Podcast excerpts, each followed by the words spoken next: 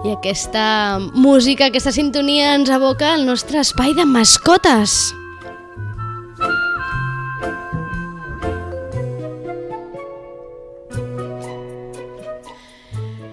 Com sempre, amb els membres de l'Hospital Veterinari Saragoró, de l'Hospital de Sitges. Hola, Eduardo Tobaja, benvingut, bon dia. Buenos días, feliz años a todos. Bon any, això mateix. La- L'any ha començat bé? Sí, muy bien. Amb els animals bé? Muy bien. sí. S'han regalat molts animals? Han vingut a preguntar-vos molt? Por ahora no.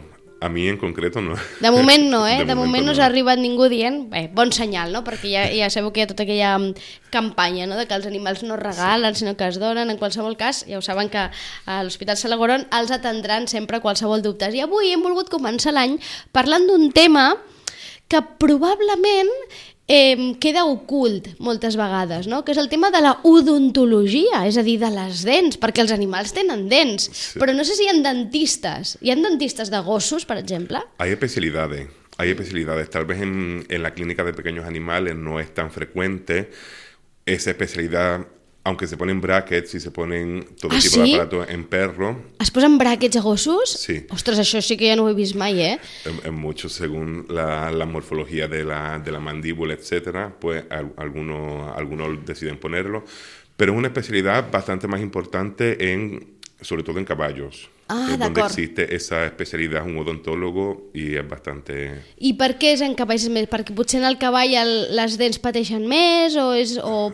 Realmente no lo sé, supongo que es por el precio, el valor que tiene, que, que tiene un caballo, la estirpe, todo eso. Perquè com d'importants són les dents en la salut d'un animal? Mucho, mucho.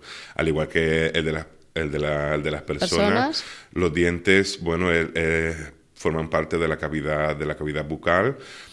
Son los responsables de la trituración de, lo- de los alimentos, el mantenimiento de una, una salud oral, ese acúmulo de alimentos que ocasionan enfermedades periodontales e incluso más sistémicas. Entonces son, son fundamentales. Una mala, una mala alineación o aprehensión de dientes puede tener consecuencias muy nefastas para, para la mascota. Per tant, aquelles persones que tinguin mascotes a casa, que tinguin, sobretot gossos, no? Parlem que sobretot els gossos, és a dir, la, de- les dents en els gats es mira també o... Se, se- se miran también y se limpian también. També. Per tant, per tant, qui tingui mascota a casa amb dents, cal també tenir cura de les dents dels Sí. animals.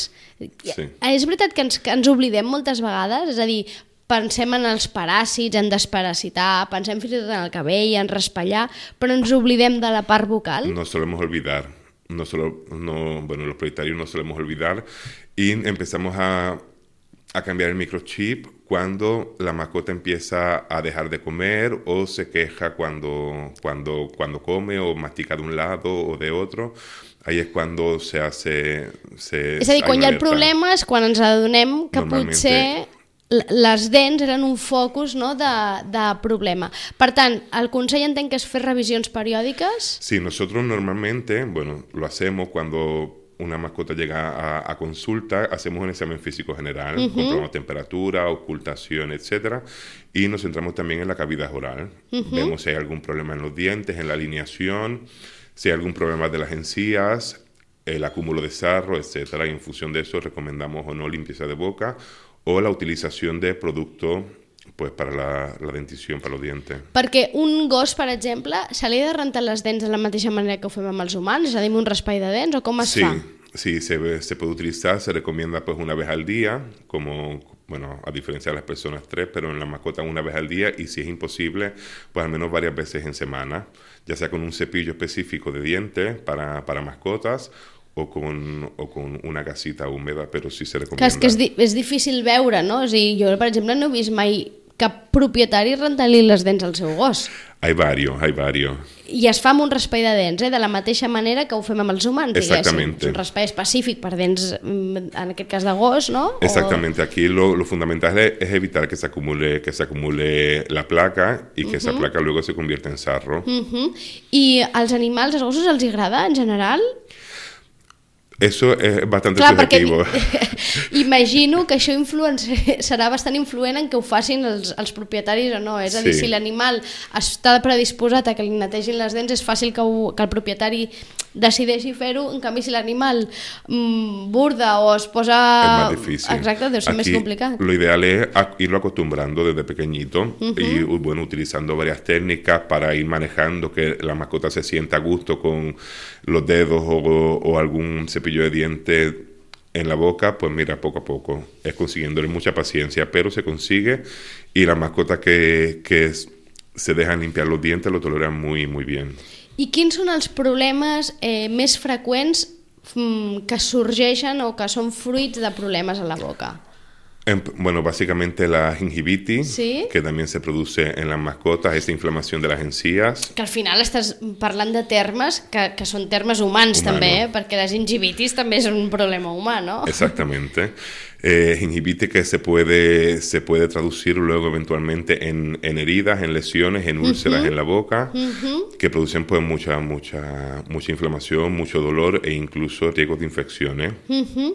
Per tant, un problema bucal pot acabar o desenvolupar en un problema més greu? Es un problema grave, tanto enfermedad renal, enfermedad cardíaca, porque las bacterias pasan al torrente sanguíneo, a la sangre, y hay bacterias que son, tienen mm, más preferencia con determinados órganos en el cuerpo y se van acumulando ahí, pueden des- de- dar problemas.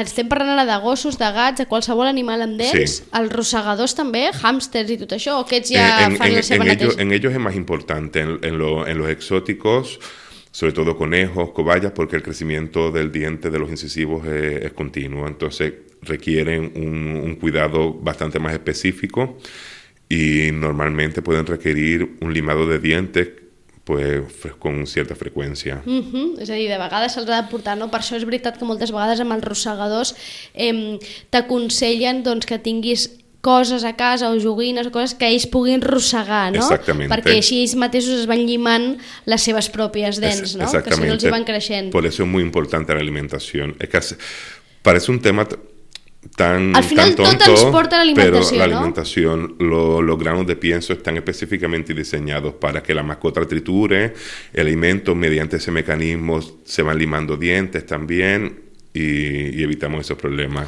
Per tant, hem d'intentar ser rigorosos amb això de l'alimentació, no? I no Sí. anar parlant, ostres, és que al meu gosset li agrada molt, no ho sé, Exacto. aquest os, no sé què, doncs... mm, Dieta casera normalmente suelen tener bastante problemas. Los perros de raza pequeña, Yorkie, Chihuahua, los braquicéfalos tipo bulldogs, los Sí. carlinos, suelen tener muchos problemas dentales, en parte porque tienen, bueno, un- ese, ese comportamiento de los propietarios de mi perrito no come, no come pienso le- y le dan comida humana, comida blanda, que al fin y al cabo es comida, que no lima, no tritura alimentos. Los I ells necessiten triturar, Triturar. i d'aquesta manera llimar les seves dents. Exactamente.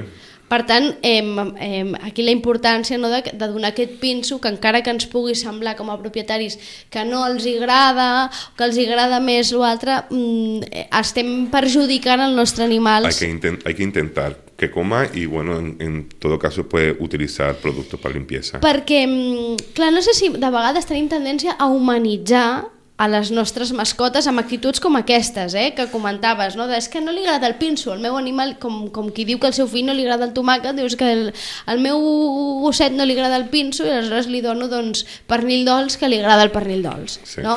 Aleshores, clar, no sé si és una humanització d'un animal, això.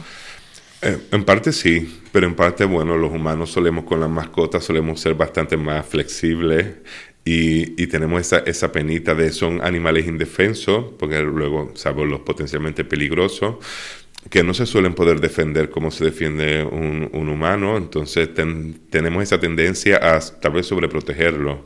Entonces eso puede repercutir negativamente en, en ellos. i sobretot en la seva salut, no? que al final Sí. segurament és el que, el que no es vol. Alguna cosa més a destacar del tema de les dents? Per exemple, és a dir, mm, clar, eh, per exemple, el tema de l'alè, no? del un fort alè que de vegades no? ens fa com agonia. No sé si això és normal o no és normal o no ha de fer olor l'alè d'un animal. Normalmente no debería ser, tiene el aliento normal de, de la boca, pero ya cuando ese aliento se convierte en fétido, pues es un indicativo de que hay algo. Algo que está en la propia cavidad oral, alguna úlcera, alguna lesión o ya un problema de de gastritis, por ejemplo, que también puede desen, desembocar en eso. Uh -huh. Per tant, hem d'estar d'alguna manera a també a la boca dels nostres animals, que no sé si, si us venen també moltes vegades propietaris dient, això jo no ho sé fer, us ho deixo vosaltres els professionals, perquè clar, ja ficar la mà a la boca, obrir-li, mirar-li les genives, mirar-li les dents, tampoc no deu ser fàcil, no?, per tots els propietaris fer-ho, igual algú li fa cosa ficar-li la mà a la boca a l'animal. Sí. Sí, bueno, vienen, vienen propietarios con, con, con esa, esa mentalidad, pero, pero lo hacemos. Que per això estan els professionals, Sí. no? Ho fan ells els professionals i miren la boca. Alguna cosa més que haguem d'estar atents, per exemple amb la llengua, no sé, el color de la llengua o el tacte de la llengua, no sé si també si hi ha algun aspecte que com a propietaris de mascotes puguem estar o ens puguin donar alertes o avisos de que hi ha algun problema. Pues mira, también el exceso de salivación. esa, esa, ese exceso de saliva puede ser negativo o de ca- algo, al- náuseas, por ejemplo, o que tenga algún dolor en la, en la boca. Es que al fin y al cabo es como las personas, cuando tenemos algún dolor en la boca o nos duele una lengua, solemos producir un poquito más de saliva, posiblemente de, de, de- de ese propio dolor, y entonces, pues es un... Es un Per tant, aquella imatge del gos eh, salivant, que li cau la saliva, no, es- eh, eh, Bueno, d'alguna es- manera alerta de que hi ha algun problema? También o dependerá de la raza. De acuerdo. Esa, esa raza, los San Bernardo, que ya de por sí... van babejant, De no? por sí es normal en ellos, pero puede ser algún indicativo de, de que algo le duele en la boca o que están molestos, que tienen alguna náusea, etcétera. Hi ha gossos eh, que són més propensos a tenir problemes vocals que d'altres? Normalmente los perros de raza pequeña suelen ser más propensos a partir de los 5 años, eh, más o menos aproximadamente. Aunque hay Yorkies que con 4 años, que son jóvenes, ya tienen una boca bastante, bastante malita y que sí se recomienda la limpieza de boca. D'acord. Les dents quan els hi surten als gossos? Com? Quan els, ¿Cuándo les nacen los dientes a los perros? Pues en, en las primeras semanas, aquí me traje la chuleta porque no me acuerdo casi. La primera setmana, Pues mira, després de néixer, els... Eh, els... los incisivos a partir de la tercera semana. D'acord. A partir de la tercera, Tercera semana a néixer, de eh? vida empiezan a salir los dientes. I els hi fa mal, com els, com els nadons, com els bebès? ¿Les duele? ¿Sufren? Con como en los bebés, ¿eh? Como sí, en los a ver, en, niños. en principio sí, en principio, en principio sí, por eso hay, hay muchos juguetes de, de Mm. morder, porque, porque es un proceso molesto. D'acord. I quants i dents, quina quantitat de dents tenen? Tots tenen la mateixa quantitat de dents? Tenen Eh. incisius? Els. Perquè els incisius dels, dels gossos, per exemple, són, acostumen a ser més grans, no? Sí, sí. Són més importants, entenc, Pues no? mira, un perro adulto tiene 42 dientes, Sí. entre incisivo, canino, los premolares y los molares, y los gatos 30. Eh, cada dentición, cada, cada familia de dientes, incisivo, ese, ese tipo de dientes nace a una determinada edad, D'acord? que es lo que nos ayuda a nosotros los veterinarios pues, a identificar más o menos ese periodo de nacimiento cuando se encuentran un gatito perrito, D'acord, és a dir, a través de les dents sabeu veure més o menys l'edat que té l'animal. la edad que tiene el animal. Sobre todo cuando es cachorro, ya cuando es adulto casi es imposible, lo intuimos según el desgaste de, de los dientes. También eh, hay que decir que a los, los perros y gatos también tienen dientes de leche. O sea que le nacen los dientes y al cabo de los meses, tres, cinco, entre los 3 y los 5 meses, empiezan a caerse esa dentición de leche Ah, sí? y empiezan a salir los dientes definitivos. D'acord, és a dir, ja ten... és a dir, això és com els humans, eh? Més ràpid, no? Va Més, Més ràpid, és sí. més accelerat, perquè amb els humans no és fins als 4 o 6 mesos, més o menys, que comencen a sortir les primeres dents. Aquí és, és més ràpid. Els incisius, com deies, tenen una importància més forta, no?, en els animals. Sí, porque son lo que apren- aprenden los alimentos y lo que con lo que lo cortan son como los cuchillos de, de la boca. Con los incisivos los cogen y, y lo cortan. Ya a partir de los premolares y molares, pues es cuando se produce la trituración del, del alimento. Clar, i a més, en el cas dels animals, clar, ells no fan servir les potetes, diguéssim, per trencar res del menjar, no? Ells ho fan tots amb, tot amb la boca, per tant, les dents han d'estar més bien. sanes, no? Fins i tot Sí. que, la de, que la dels humans. No sé si també ells, amb el pas del temps, també tenen riscos de perdre dents, com ens passa als humans, eh? Sí. També els hi passa, eh? También les pasa y, y se caen y cuando se hacen limpiezas de boca también se les caen dientes. És a dir, Igual. això és semblant. I fins i tot ens comentaves que ara es posen bràquets de vegades als animals, eh? Sí, hay al- al- exactamente aquí en España, no sé, no sé qué localidad del- eh, lo, hacen, pero sí que lo hacen y y en otros países, pues con un nivel bastante más alto o una, una, una espe las especialidades veterinàries un poquito más avanzadas sí que lo hacen. Per tant, cada vegada ens, eh, ens apropem més, ¿no? A les persones i als animals, nos acercamos cada vez más, cada vez más. en todos los temas de salud, porque claro, ya ver un perro con, con brackets ya claro, sobre todo en, en, esas razas que tienen la con alguna malformación mandibular, uh -huh. por ejemplo, que hay que buscar una correcta alineación de, de, la dentadura para que puedan triturar los alimentos de forma adecuada, és importante, és importante ponérselo. Clar, perquè és veritat que hi ha aquells gossos, no, aquells petitets que tenen la mandíbula de sota, diguéssim, més cap en fora, no? És aquella mossegada tan sí. clàssica, no? O por dentro, o, ma, o, ma, o, ma, o més cap a dintre. Sí, uh -huh. todo eso produce una mala alineación en la en la dentición y eventualmente eh, la mala oclusión y, y una mala, mala assimilació de los alimentos.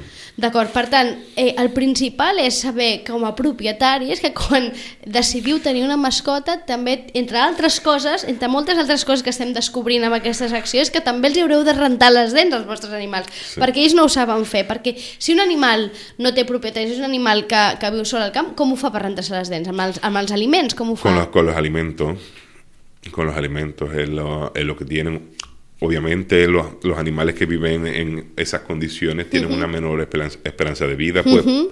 precisamente porque no tienen esos controles veterinarios. Las la mascotas que ya bueno, las mascotas en sí con propietarios suelen alargar más el, la esperanza de vida porque sí se preocupan un poquito más por, por sus mascotas y hay mayores cuidados y i estan protegits, I estan no? Protegidos. Doncs que sàpiguen que ara, ara, si no ho sabien, eh, per si no ho sabien, que si tenen un gos o un gatet els hi hauran de rentar les dents i per fer-ho necessitaran un raspall de dents que entenc que és un raspall de dents específic, no? Eh, bueno, si se hace en casa, bueno, con un, con un cepillo de dientes bueno, de, de, mascota, con el propio dedo, alguna gasita, etcétera. Ya cuando la mascota requiere alguna limpieza más profunda, hay que proceder a la anestesia uh -huh. y ya utilizar un, una màquina específica. Vaja, com amb els humans, eh? Sí. que quan la, quan la neteja bucal ha de ser més, més forta, no? ja ens atabalem, ens veiem allà asseguts a la, a la cadira del dentista, sí. ens entren en mils mals i t'anestesien ràpid perquè se't passin els mals, doncs amb els animals idènticament igual, no? Se'ls necessiten també de flúor i aquestes cosas que se'ns posen als humans. Se utiliza. També. Se utiliza, sobre todo, muchos propietarios son un poquito más aprensivos a la hora de anestesiar una mascota para limpieza, porque no están tan acostumbrados a eso, pero las mascotas no se quedan quietas, hay que, hay que inmovilizarlos para que sea l'anestesia bastant més segura per, a, per al procés. Molt bé, doncs Eduard, doncs ha quedat clar eh, que el món de l'odontologia animal, les dents també és molt important, cal tenir cura i cal estar alerta a possibles eh, focus d'infecció per tal de que això no eh, desenvolupi o esdevingui en una malaltia més gran. Moltes gràcies. Moltes gràcies a tots. Ens veiem en 15 dies. Perfecte. I res, ens retrobem amb el nostre espai mascotes. Ara parem res, uns segons amb un apunt musical i de seguida tornem per parlar de l'edició de la 37a edició de la mitja marató eh, de Sitges que es va presentar ahir en aquesta roda de premsa ja habitual a l'Esports Bars. Poques novetats, molt poques novetats, però en qualsevol cas ho comentarem de seguida després d'aquesta petita aturada musical. Vinga, fins ara.